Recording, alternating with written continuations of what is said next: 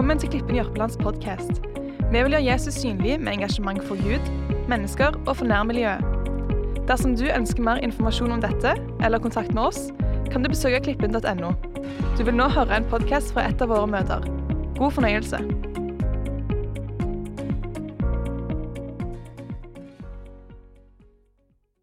Den eh, første påskeaften og natta i Jerusalem som eh, disiplene opplevde, må ha vært den eh, mørkeste og svarteste kvelden og natta i hele historien.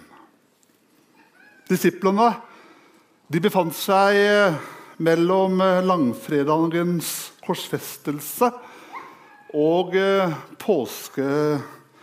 påskedagens oppstandelse. Men de visste ikke det vi vet. De var ikke klar over det. Vi vet hvor det enda. De visste ikke at det bare var snakk om eh, timer før eh, natt skulle bli dag, mørke skulle bli lys, at død skulle bli liv, og at nederlag skulle bli til seier. Det visste de ikke.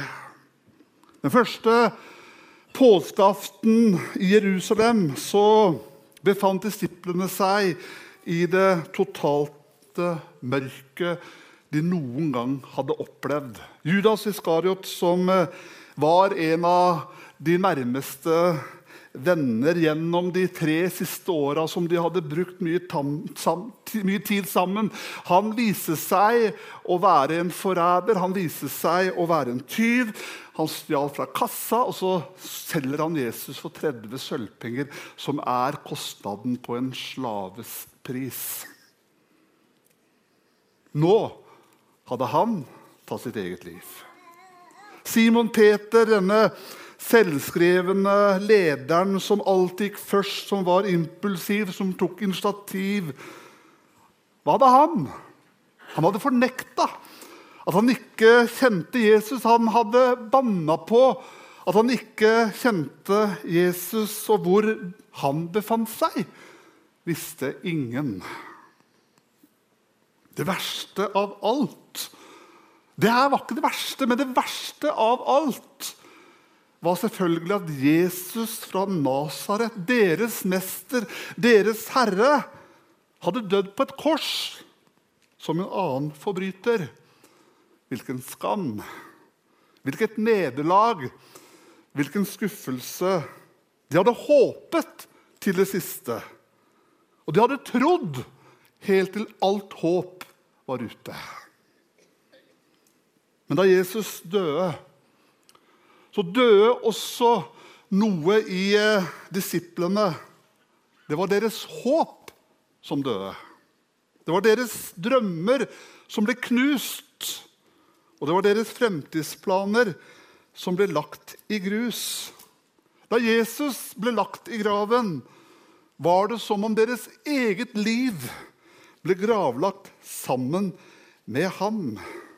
Alt det de trodde på, alt det de hadde kjempa for, alt det de hadde satsa på, alt, ja, absolutt alt, lå nå i den graven. Aldri har dagen vært så lang, aldri har natta vært så svart.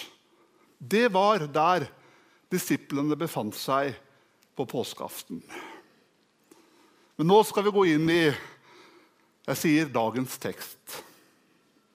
Vi skal lese fra Johannes 20, og vi skal ikke lese hele beretningen her, men vi skal ta oss og gå rett inn i vers 15 i Johannes 20. Og så skal vi lese teksten der ifra. Og da sier Bibelen her Hvorfor gråter du, kvinne? spør Jesus. Hvem leter du etter? Hun trodde at det var garteren, og sa til ham, Herre, hvis du har tatt ham bort, så si meg hvor du har lagt ham, så skal jeg ta meg av ham. Maria, sa Jesus. Da snudde hun seg og sa til ham på hebraisk rabunu. Det betyr mester. Jesus sier til henne, 'Rør meg ikke, for jeg har ennå ikke steget opp til far.' 'Men gå til mine brødre og si til dem at jeg stiger opp til ham som er min far, og far for dere, min Gud og deres Gud.' Da gikk Maria Magdalena av sted og sa til disiplene, 'Jeg har sett Herren.' Og hun, hun fortalte hva han hadde sagt til henne. Det var om kvelden samme dag, den første dagen i uken. Av frykt for jøden hadde disiplene stengt dørene der de var samla. Da Jesus kom, han sto midt iblant dem og sa, 'Fred være med dere.' Og da han hadde sagt det, viste han dem sine hender og sin side.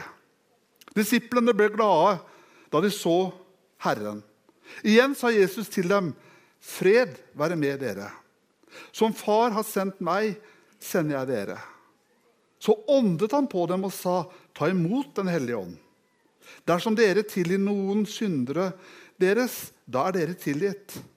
Dersom dere fastholder syndene for noen, er de fastholdt. Thomas, en av de tolv, han som ble kalt for uh, tvillingen, var ikke sammen med de andre disiplene da Jesus kom. Vi har sett Herren, sa de til ham. Men han sa dersom jeg ikke får se naglemerkene i hendene hans og får legge fingeren i dem og stikke hånden i siden hans, så kan ikke jeg tro. Åtte dager senere var disiplene igjen samla, og Thomas var sammen med dem. Da kom Jesus mens dørene var lukket. Han sto midt iblant dem og sa, 'Fred være med dere.' Så sier han til Thomas, 'Kom med fingeren din.' 'Se, her er hendene mine.' 'Kom med hånden og stikk den i siden min.' 'Og vær ikke vantro, men troende.' 'Min Herre og min Gud', sa Thomas. Jesus sier til ham, 'Fordi du har sett meg, tror du.' Salig er de som ikke ser og likevel tror. Jesus gjorde også mange andre tegn for øynene på disiplene. Tegn som det ikke er skrevet om i denne boken. Men disse er skrevet ned for at dere skal tro at Jesus er Messias, Guds sønn, og for at dere ved troen skal ha liv i hans navn. Amen.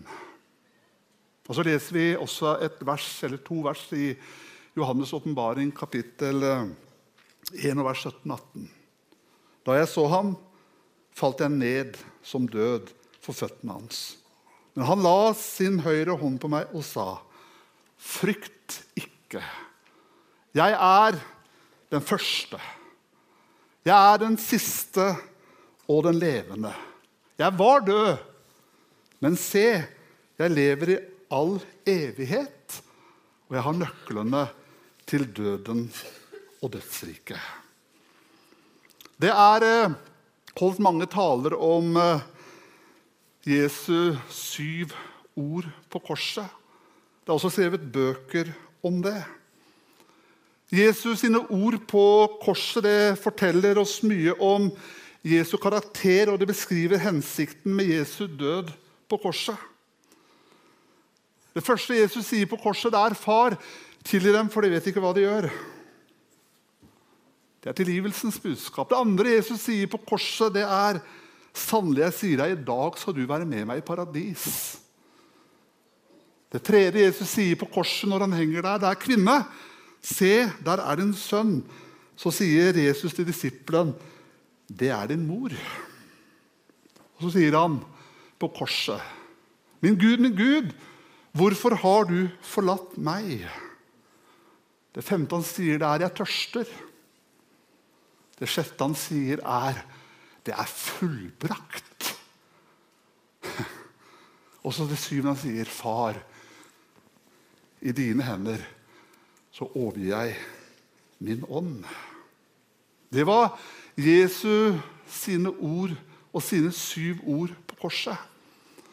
I dag har jeg lyst til å tale over Jesus syv første ord etter hans oppstandelse. Altså det første Jesus sier. Jesu syv ord på korset det er et budskap fra Gud til hele verden. Men eh, Jesus sine syv første ord, som Jesus uttalte etter sin oppstandelse, det er til menigheten og til Guds folk. Oppstandelsen, Hva er oppstandelsen? Jo, oppstandelsen er mirakler blant alle mirakler. Uten oppstandelsen så har vi ingen frelser. Ikke noe sant fra Gud. Ingen frelse. Ikke håp etter døden. I, Don, i John Masfelds dramastykke om rettssaken mot Jesus så er det en eh, scene hvor en eh, romersk senturium med ansvar for soldaten ved korset skal rapportere fra dagens hendelser. Etter at han hadde avlagt sin rapport, så kommer Pilatus sin kone at han ønsker at han skal fortelle hvordan fangen døde. Når han har forklart hvordan Jesus døde på korset, så spør Pilatus sin kone plutselig tror du at han er død. Nei, frue, svarer han. Det tror jeg ikke. Ja, Men hvor er han da? spør kona til Pilatus. Da svarer denne romerske soldaten. Han er sluppet løs i verden, frue. Der kan ingen stanse ham. Hans sannhet, evangeliet om oppstandelsen, er et faktum. Det går ikke an å diskutere. Det er en uerstattelig tro, og det er en umotståelig kraft. Noen ganger hadde jeg sagt halleluja akkurat der, men det er helt greit. La oss se på disse syv ordene som Jesus da sa etter sin oppstandelse. Det første han sier, det er til en kvinne, og det er til Maria Magdalena. Det første han sier etter han har stått opp, 'Hvorfor gråter du?' Det er første han sier. 'Hvorfor gråter du?' Jeg tror det er eh, mye symbolikk i disse versene. I første Mosebok 3 så leser vi om en kvinne som også svarte på et annet spørsmål i Edens hage. Og hennes svar førte til mye sorg i verden. Jesus han eh, møter eh, en kvinne som gråter. Tenk på alle tårer som er grått ned igjennom historien. Hadde ikke synden kommet inn i vår verden, så ville det ikke vært noen tårer. Men vår verden den omtales ofte som en tåredal. Jesus selv gråter vi, eller gråt, og det leser vi i det korteste verset i Bibelen. Men på oppstandelsens grunn så sier Jesus og spør kvinnen hvorfor gråter du. Jesus han tørka ikke bort hennes tårer, men han var svaret på hennes sorg. På samme måte vil ikke Jesus ta bort dine tårer, men han er svaret på din sorg. Åpenbaringsboken sier det i kapittel 21 vers 4. Han skal tørke bort hver tåre fra deres øyne, og døden skal ikke være mer. Heller ikke sorg eller skrik eller smerte, for det som før var, er borte. Maria kjente ikke Jesus igjen når han viste seg for henne i hagen. Kanskje var det tårene som eh, hindret henne i å se. Når vi har det vondt, når vi lider, så klarer vi ikke ofte å se Jesus gå med oss. Enten vi får øye på ham eller ikke, så er det et faktum at han har lovet oss å være med oss i onde dager og i gode dager. Om alle andre venner svikter, så har vi i Jesus en venn som alltid er der for oss. En vi alltid kan regne med og stole på. Eller kanskje var det morgentåken som hindret henne i å se klart. Mest sannsynlig så var det fordi hun ikke venta å se ham.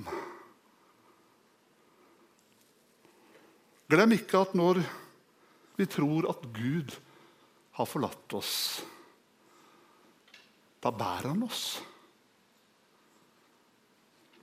Er ikke det flott å tenke på at Jesus har en sånn her egen evne til å dukke opp når vi gråter? Ikke glem å se etter Han som er svaret på din sorg. Det andre Jesus sier på oppstandelsens grunn etter sin oppstandelse, er Maria, sa Jesus. Det er klart at Maria hun var spesiell for Jesus. Maria Magdalena som hadde vaska føttene hans, tørka føttene med håret. Hun var spesiell for Jesus. Jesus han tiltalte Maria ved navn. Jesus han eh, kjenner jo oss alle sammen. Han kan navnet ditt. Han har til og med telt dine hårstrå på huet. Så vet vi at han har en lettere jobb med noen av dere. Men her i vers 29 så ser vi at Jesus han henvender seg til tvileren Thomas ved navn etter sin oppstandelse og sier til ham, 'Thomas, kom med fingeren din.' 'Se mine hender, Thomas.' Og kom med hånden og stikk den i min side. Vær ikke vantro, men vær troende. Og så er det så godt å vite at jeg er ikke at, at Gud på en måte, han, han kan navnet ditt. At, at, jeg er ikke på en måte bare et nummer i rekken av mange andre. Men når Gud Fader i det høye ser ned, som er den allmektige Og når han ser på jorden, så ser ikke han meg som en maur, selv om det er vanskelig. Men han ser Geir. Han sier Geir. Og han kjenner mine dypeste behov. Og han spør etter mitt navn. Og så tenker Jeg jeg vet ikke om det er helt riktig å si det, men jeg sier det likevel. Så kan være enig eller uenig. Det bryr meg ikke så veldig mye om akkurat nå. Hvis Jesus kjente folk ved navn etter sin oppstandelse, så tror jeg, og jeg sier tror at vi kommer til å gjøre det samme etter vår oppstandelse. Moses og Elia de kjente Jesus av hverandre igjen på Forklarelsens berg. Jeg tror jeg er sikker på at jeg kommer til å Jeg håper jeg kommer til å kjenne deg igjen når jeg kommer til himmelen. Jeg håper at vi kan si navnet på hverandre også der. Og Noen ganger så er det så deilig å ha en barnslig tro. Jeg er vennlig barnslig noen ganger, men det er deilig å ha en sånn barnslig tro. Og tro at sånn blir det. Maria hun kjente igjen Jesus på stemmen hans. Enhver disippel Det er klart hun kjente Jesus igjen på stemmen når han begynte å prate. Den har du hørt mange ganger. Mine sauer hører min røst. Jeg kjenner dem og de følger meg. Det er viktig at vi hører når Herren taler til oss, at vi hører Hans stemme, Hans ord. Og vi er Hans disipler. Maria hun viser oss også at jo mer vi elsker Herren, jo mer velsignet blir vi. I vers 10 så står det sånn at disiplene gikk så hjem. Men Maria ble stående og gråte like utenfor graven. Det er ingen tvil om at disiplene elsket Jesus. Men det virker litt som at Maria elska ham mer. Og kanskje derfor fikk hun også denne gleden over å være den første og se den oppstandende Jesus. Det tredje Jesus sier, det er 'Rør meg ikke, jeg går til mine brødre'. Maria hadde fått budskapet om Jesu oppstandelse. Oppstandelsen har gitt oss et budskap vi skal fortelle hele verden. Budskapet er at vår synd er sonet på korset, og at vi har et håp som strekker seg utover graven. Vi har et håp om at selv vi en dag skal bli oppstå og bli gjenforenet med våre kjære. Budskapet om Jesu oppstandelse er det hele vår tro hviler på. Om ikke Jesus hadde stått opp fra de døde, så har vi ikke heller noe evangelium å dele. Alle taler som er holdt i kirkens historie, blir ubrukelige. De blir eh, verdiløse og meningsløse om historien om Jesu oppstandelse er sann. Maria hadde et budskap til disiplene, og det er 'Jeg har sett Herren'. Jesus lever. Det er budskapet du og jeg også har fått, og som vi skal dele med verden. Vi har sett Herren, og han lever. Budskapet om Jesu oppstandelse gjør at troen på Jesus Kristus går sin seiersgang opp igjennom historien som aldri før. Jeg leste her om dagen at nå er det 2,3 milliarder mennesker frelst i verden. Takk for en ekstrem respons på det. Det er bra. Det er mye som skjer. Hvorfor? For vi har en oppstanden Jesus, og vi har en Jesus som lever. Vi har ikke et dødt budskap, men vi har et budskap som lever. Den franske filosofen Volontaire sa Bibelen og kristendommen vil være forsvunnet og glemt om 100 år. Volontaire døde i 1778. Den kristne troa den fortsetter sin seiersgang. og så er det et annet navn her som jeg skal prøve å si, som er veldig vanskelig å si. Og det er Fredrik et eller annet. Ikke Nag, men det er en annen. Nick et eller annet. Ja. Han proklamerte i hvert fall i 1883 at Gud er død. Han trodde at fremveksten av naturvitenskapene ville bli troens undergang.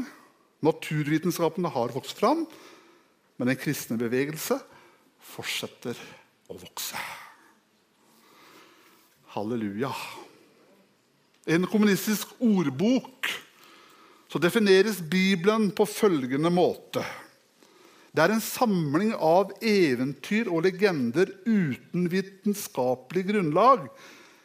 Kommunismen er vel i ferd med å dø ut som bevegelse. Men den kristne troa vokser i styrke.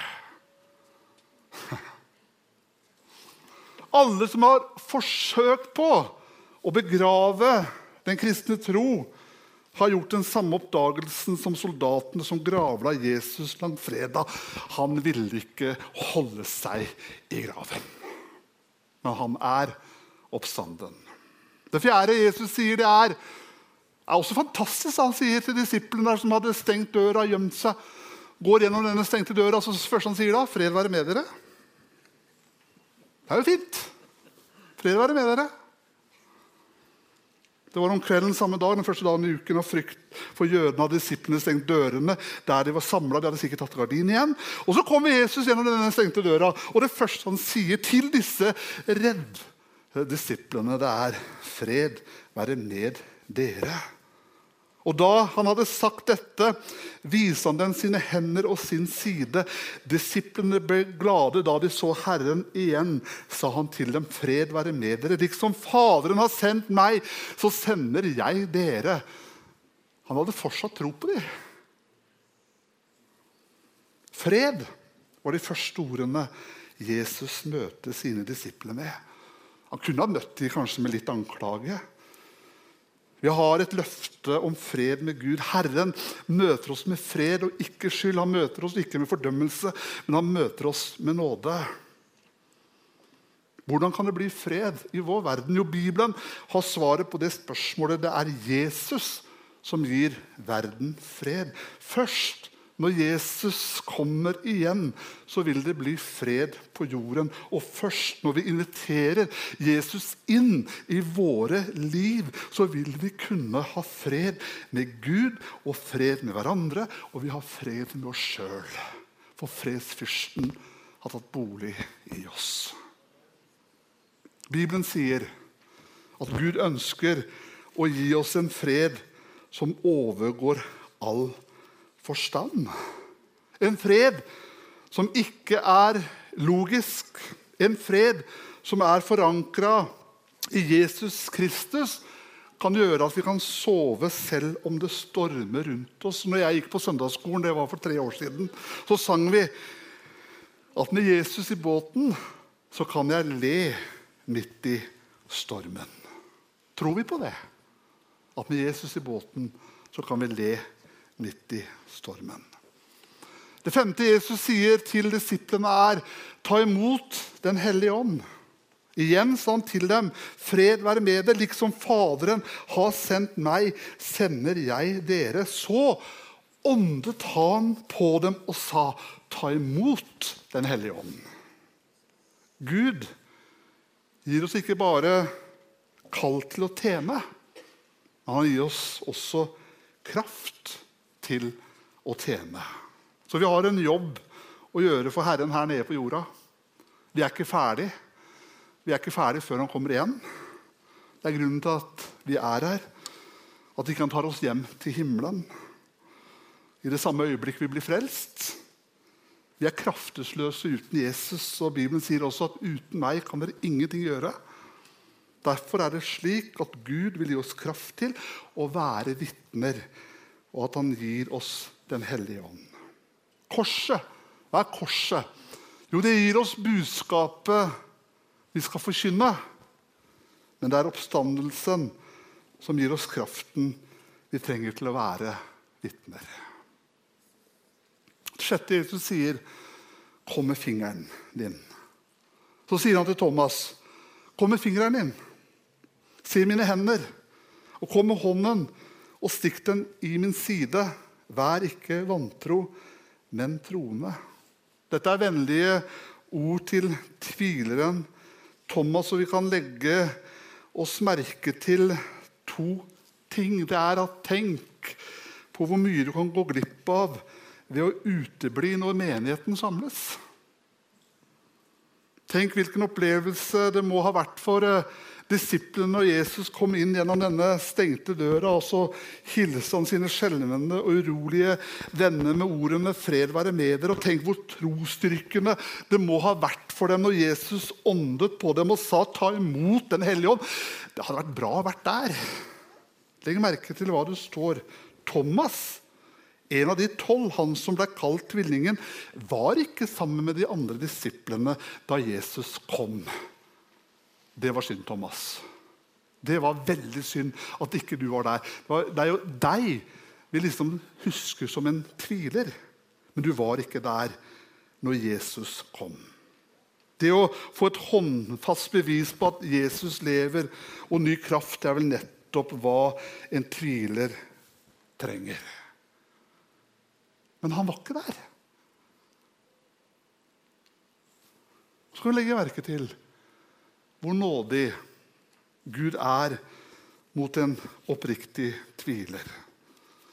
Han er ikke like nådig mot vantro mennesker som har sett Gud i aksjon, men likevel ikke vil tro. Men for Jesus, eller for Thomas, som var en oppriktig tviler, en som gjerne ville tro, men som ikke helt fikk det til, så har Jesus en helt annen holdning. Han viser seg for ham. Han lar ham få kjenne på såra sine og sier Vær ikke vantro, men troende.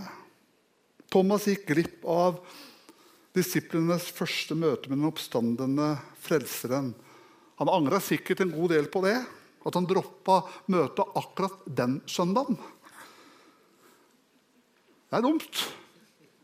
Det er et viktig budskap det jeg sa akkurat nå, som droppa møtet akkurat den søndagen. Men så var han til stede på neste møte, og da var Jesus der igjen.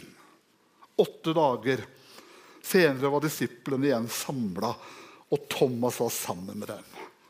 Jesus kom mens dørene var lukket. Han likte jo det å gå gjennom stengte dører. Jesus.